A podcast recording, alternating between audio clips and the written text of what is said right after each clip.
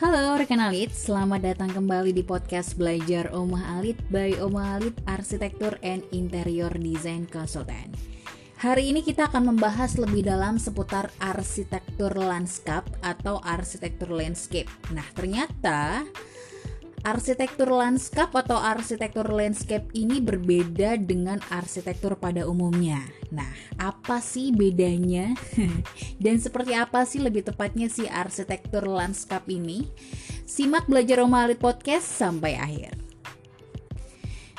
Dilansir dari dekoruma.com, arsitektur ini memang erat banget ya kaitannya dengan desain atau konstruksi suatu bangunan. Tapi beda halnya dengan arsitektur, arsitektur lanskap ini mempunyai fokus yang berbeda, yaitu pada tatanan lingkungan atau area di luar bangunannya. Nah, walaupun terdengar mirip dan sama-sama punya pengaruh terhadap perencanaan atau desain suatu area, perlu banget untuk diperhatikan bahwa arsitektur landscape ini hampir sama pentingnya dengan arsitektur pada umumnya. Kita akan ngebahas lebih dalam mengenai perbedaan arsitektur dengan arsitektur landscape. Kalau dilihat dari segi definisi, tentunya rekan alit bisa mengetahui apa itu arsitektur, Arsitektur ini adalah ilmu dan seni perencanaan dan perancangan lingkungan, mulai dari lingkup makro seperti perancangan kota, kawasan lingkungan, dan landscape hingga lingkup mikro, misalnya arsitektur bangunan, interior, dan lain sebagainya. Nah, dari lingkup pengerjaan arsitektur makro dan mikro, kita bisa tahu kalau arsitektur landscape ini adalah bagian dari seni arsitektur dalam lingkup makronya. Jadi walaupun keduanya bergelut di bidang desain, arsitektur umumnya fokus pada perencanaan bangunan, sedangkan arsitektur lanskap ini fokusnya ke desain area outdoornya. Kalau bekerja sebagai arsitek, eh, baik di bidang arsitektur maupun arsitektur lanskap, eh, adalah sebuah profesi yang menuntut ilmu pasti dan ketelitian. Nah, kedua profesi ini juga membutuhkan pengetahuan dan berkaitan eh sorry, berkaitan berkaitan dengan regulasi lingkungan dan kode etik tata bangunan dalam pekerjaannya ya. Nah, arsitek-arsitek baik di bidang arsitektur maupun arsitektur landscape ini juga harus sering banget ketemu dan mendiskusikan proyek pengerjaan dengan klien sambil juga mempersiapkan proposal dan anggaran yang tepat. Mereka juga adalah sosok-sosok yang terlihat langsung pada setiap tahap proyek mulai dari perencanaan hingga eksekusinya.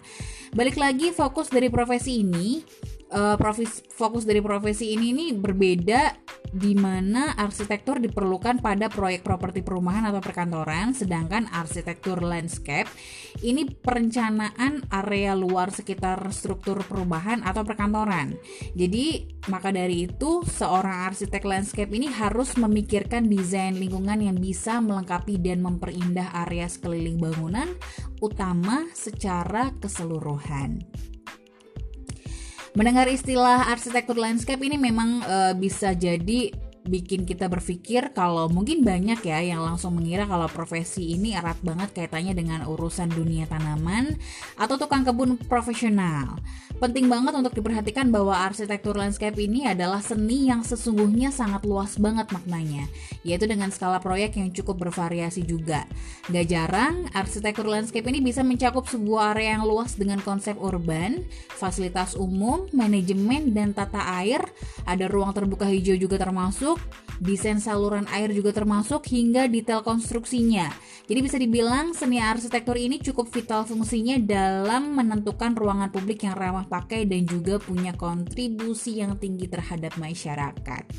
Nah, arsitektur landscape juga punya peran penting nih dalam pembangunan sebuah negara secara global.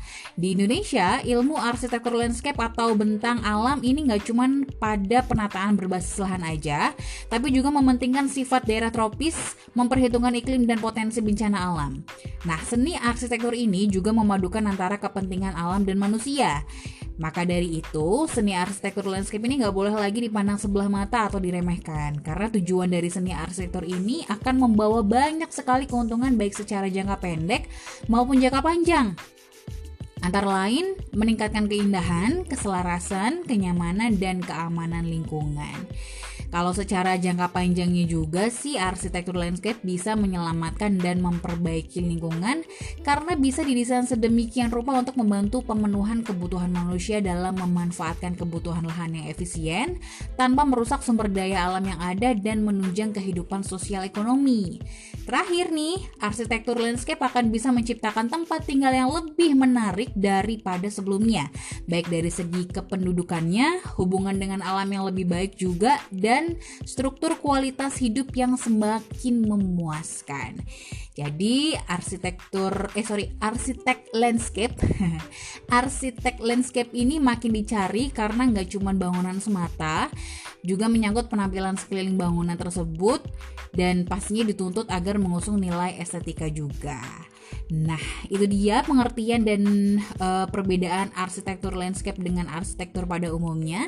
Semoga bermanfaat dan bisa menambah wawasan rekan alit seputar lifestyle, arsitektur, dan interior.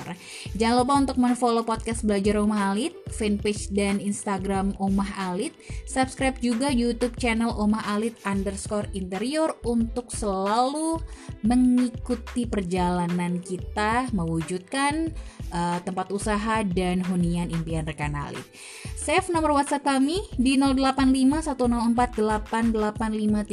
085104885333 untuk informasi lebih lanjut. Oma Alit, better living for today and tomorrow.